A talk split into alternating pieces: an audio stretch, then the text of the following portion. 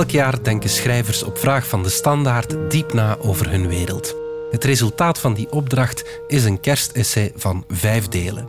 Dit jaar schreef filosoof en psychiater Damian de Nijs dat essay en hij leest het ook voor in deze podcast. In het tweede deel gaat het over de zin van het leven. Nee, sorry, het antwoord dat komt niet. Maar we weten wel waar we naar streven in ons leven: gelukkig zijn.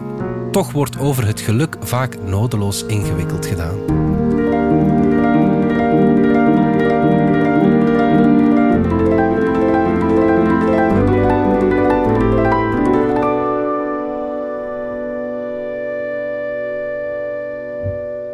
De vraag naar het doel van het menselijk leven is talloze malen gesteld.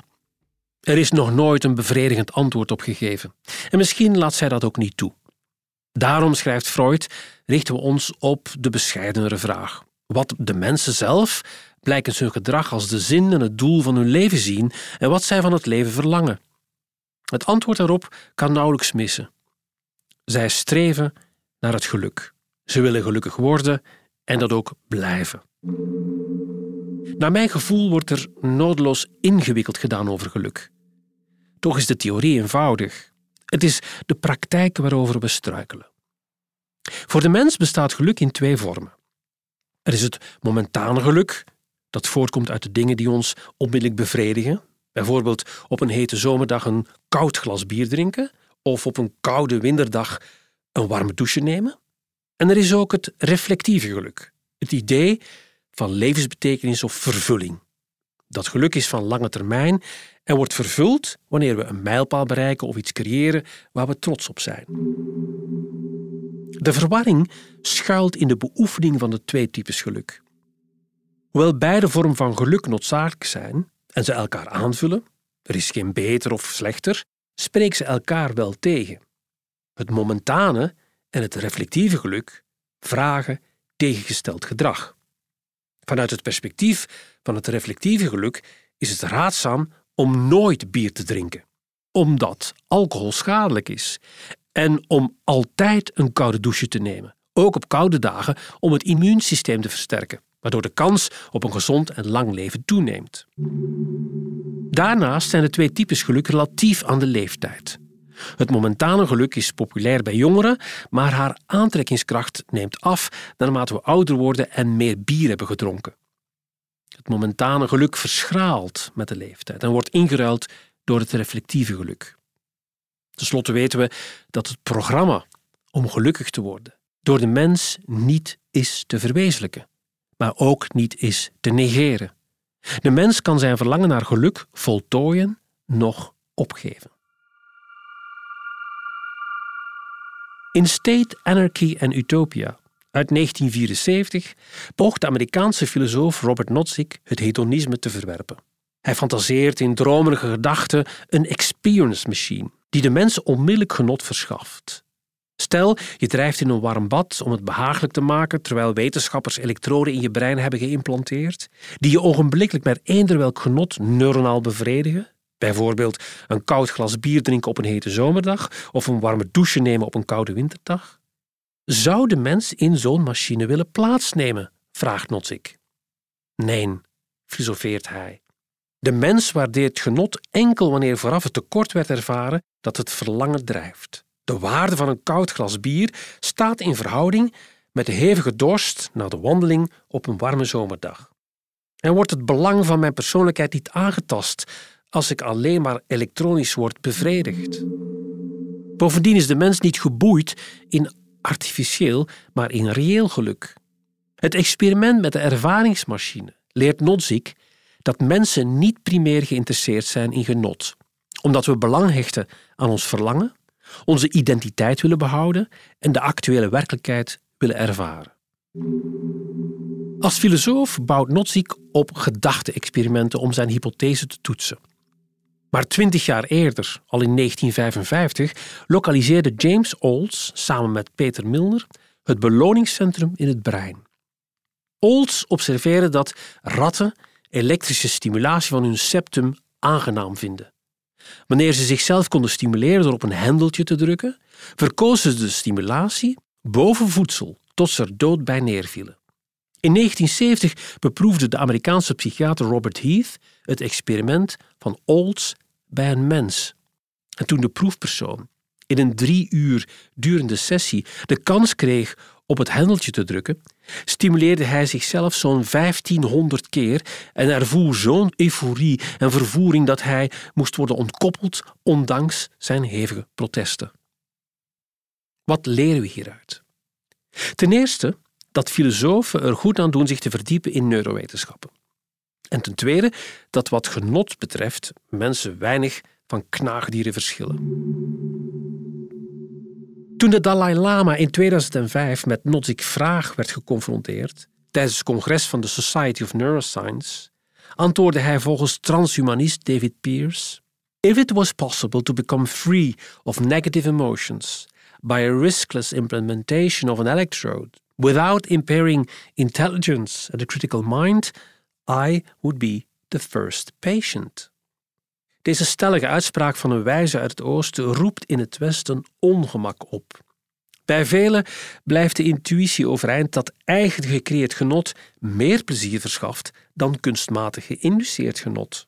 Het is een typische westerse veronderstelling dat geluk enkel waardevol kan zijn als het door de mens zelf is verwezenlijkt. We zijn bereid elke vorm van geluk te aanvaarden op voorwaarde dat ze gepaard gaat met autonomie. In het Westen geloven we dat wie autonoom is, gelukkig zal worden en wie gelukkig is, autonoom moet zijn. Tot mijn spijt moet ik vaststellen dat mijn zoektocht naar geluk me onverhoeds tot het begrip autonomie heeft geleid. Vrijwillig zou ik me nooit verdiepen in autonomie. Geen begrip is zo beladen, heeft zoveel definities en zoveel disciplines, zwicht onder zoveel filosofisch en historisch gewicht en ligt sociaal zo politiek gevoelig als autonomie. Wie zich waagt in het doolhof van autonomie, zal onherroepelijk verloren lopen. Intuïtief voelt iedereen wat autonomie is. Zeker zoals de mens eigen is, wanneer het ons eraan ontbreekt. Wie autonoom is, kan keuzes maken om een eigen weg in het leven te bewandelen. Autonomie is het vermogen om zelfstandig te denken en te handelen, opdat we controle verwerven over de gebeurtenissen die zich in het dagelijks leven voltrekken. Er zijn wel voorwaarden verbonden aan autonomie. Om zich autonoom te voelen, moet je jezelf kunnen zijn, in een vrije maatschappij leven, waarvan de wetten je de vrijheid geven om eigen beslissingen te nemen, moet je onafhankelijk kunnen denken en het vermogen bezitten te handelen naar eigen verlangens.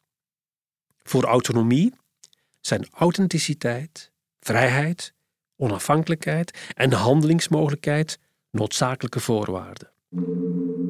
Zodra men die voorwaarden wil funderen, wordt het veel moeilijker. Wat is authenticiteit? Wat is het zelf? Is het biologisch, psychologisch of sociaal? Bestaat überhaupt een persoonlijke essentie? Wat is vrijheid? Wat betekent onafhankelijkheid en van wie of wat? Hoe wordt de autonomie van verschillende personen afgewogen? En hoe gelden die voorwaarden in al de verschillende disciplines? Door de populariteit van het begrip autonomie wordt ze steeds ruimer geïnterpreteerd. En de overinclusiviteit van autonomie neemt zo'n groteske proporties aan dat de definities, bedoeld om helderheid te scheppen, eerder verwarring creëren.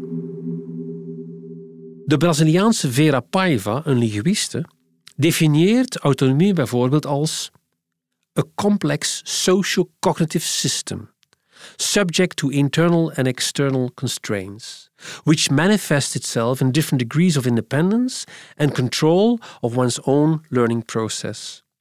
As a complex system, it is dynamic, chaotic, unpredictable, nonlinear, adaptive, open, self organizing, and sensitive to initial conditions and feedback. De verscheidenheid aan interpretaties en toepassing van autonomie in al de verschillende domeinen maakt het begrip schimmig. Elke eenvoudige definitie van persoonlijke autonomie is momenteel controversieel, onvolledig en discutabel. Om aan de aporie te ontkomen, dient men een list te bedenken. We kunnen de valstrikken van de begripsbepaling ontlopen door ons te buigen niet over wat de autonomie is, maar wat ze voor ons betekent. Er is geen grens tussen zijn en verschijnen, zei Albert Camus. zijn, is verschijnen. Autonomie is wat ze voor ons uitdrukt, is de rol die we haar toedichten, de positie die ze bekleedt. Nou, wat is die betekenis van autonomie? Autonomie is een sleutelbegrip in onze samenleving. Ze speelt een centrale rol in vrijwel alle humane disciplines. Filosofie, ethiek, geneeskunde, sociologie, recht, psychologie, pedagogiek, onderwijskunde, management, genderstudies en zo verder. Het begrip autonomie is niet alleen prominent aanwezig in de wetenschappen, maar ook in het maatschappelijke domein. We lezen voortdurend op social media over onze onafhankelijkheid, zelfredzaamheid, zelfstandig keuzes maken en richting geven aan ons eigen leven. Autonomie is een gepopulariseerd en gemediatiseerd levensdoel geworden dat als consumptieartikel wordt verhandeld of als machtsmiddel wordt gemanipuleerd. Volgens een rapport van de Journal of Personality and Social Psychology is geld, populariteit en een goed uiterlijk of zelfs een goed seksleven niet de belangrijkste factor voor geluk, maar autonomie. Geld, macht en roem hebben geen intrinsieke betekenis, maar ontlenen hun waarde aan de mate waarin ze onze autonomie verhogen. Voor managers betekent autonomie automatisch professioneel succes. Vrijwel alle websites propageren stellig: The definition of success is autonomy.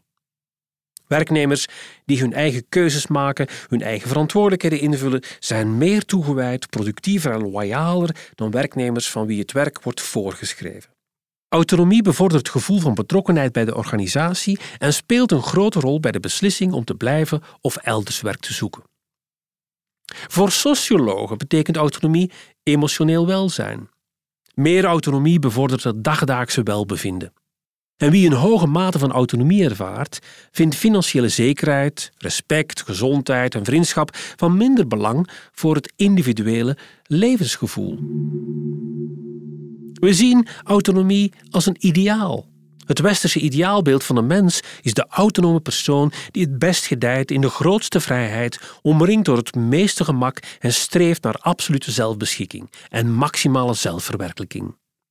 Ons wordt geleerd dat elke stap waarmee we meer individuele zelfstandigheid bereiken, ons hoger brengt op de evolutionaire ladder en verder verwijdert van het dierlijke instinct. Vanuit dat perspectief is autonomie ook een deugd. Autonomie immuniseert amorele handelingen, waardoor alle middelen ter zelfverwerkelijking legitiem zijn.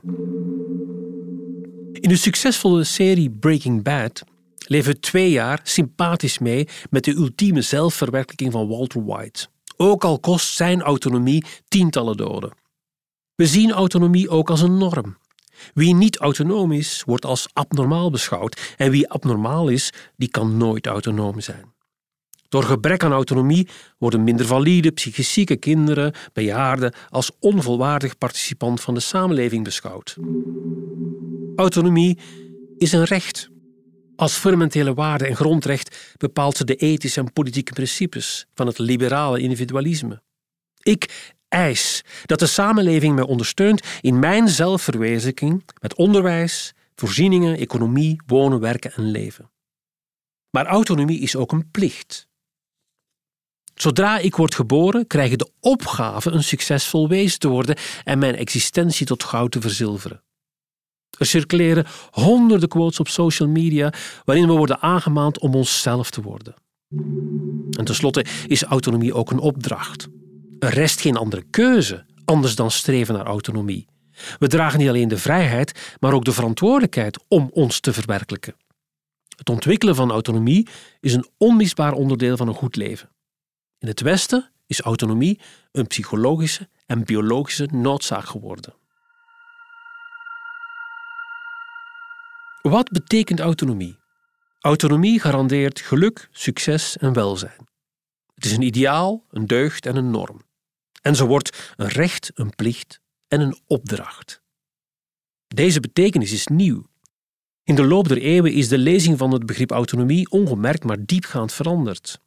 Oorspronkelijk van toepassing op het collectief van Griekse stadstaten, veranderde ze helemaal tot een kenmerk van individuen, omdat persoonlijke autonomie zo vanzelfsprekend is, neigen we te vergeten dat het idee van individuele autonomie vroeger niet aantrekkelijk werd bevonden. Denkers en filosofen geloven dat de mens van nature een zwakke wil bezit en zichzelf aan discipline moet onderwerpen van een hogere autoriteit. Goden, koningen, wetten en religieuze boeken organiseerden het leven, waardoor de mensheid eeuwenlang onbekommerd leefde om autonomie van het individu. Daarnaast veranderde de rationele benadering van autonomie in een emotionele ervaring. Voor de Duitse filosoof Immanuel Kant verbond het autonome individu zich langs de weg van universele redelijkheid met de gemeenschap. Ieder autonoom individu is moreel gelijkwaardig en die gelijkwaardigheid wordt gegarandeerd door universele redelijkheid. Nu wordt autonomie afgemeten aan onze individuele beleving. Autonomie moet worden gevoeld. Ten slotte is het begrip autonomie gaandeweg verabsoluteerd. Het betrekkelijk en contextueel karakter heeft plaatsgemaakt voor een algemeen geldend, onbetwistbaar maxime. Autonomie is een vordering van het individu aan de gemeenschap en die eis kan grenzeloos worden ingevuld. Autonomie is een ideaalbeeld die de perfecte wereld garandeert en ze schept voor ieder individu een realiseerbaar, meetbaar en maakbaar micro-universum. Hoe poogt de westerse samenleving de autonomie van het individu te verwezenlijken? Met welke sociale processen vervult de maatschappij het individuele verlangen naar authenticiteit, vrijheid, onafhankelijkheid en handelingsmogelijkheid? Morgen buigen we ons in het volgende essay over de vraag hoe individuele autonomie wordt bewerkstelligd.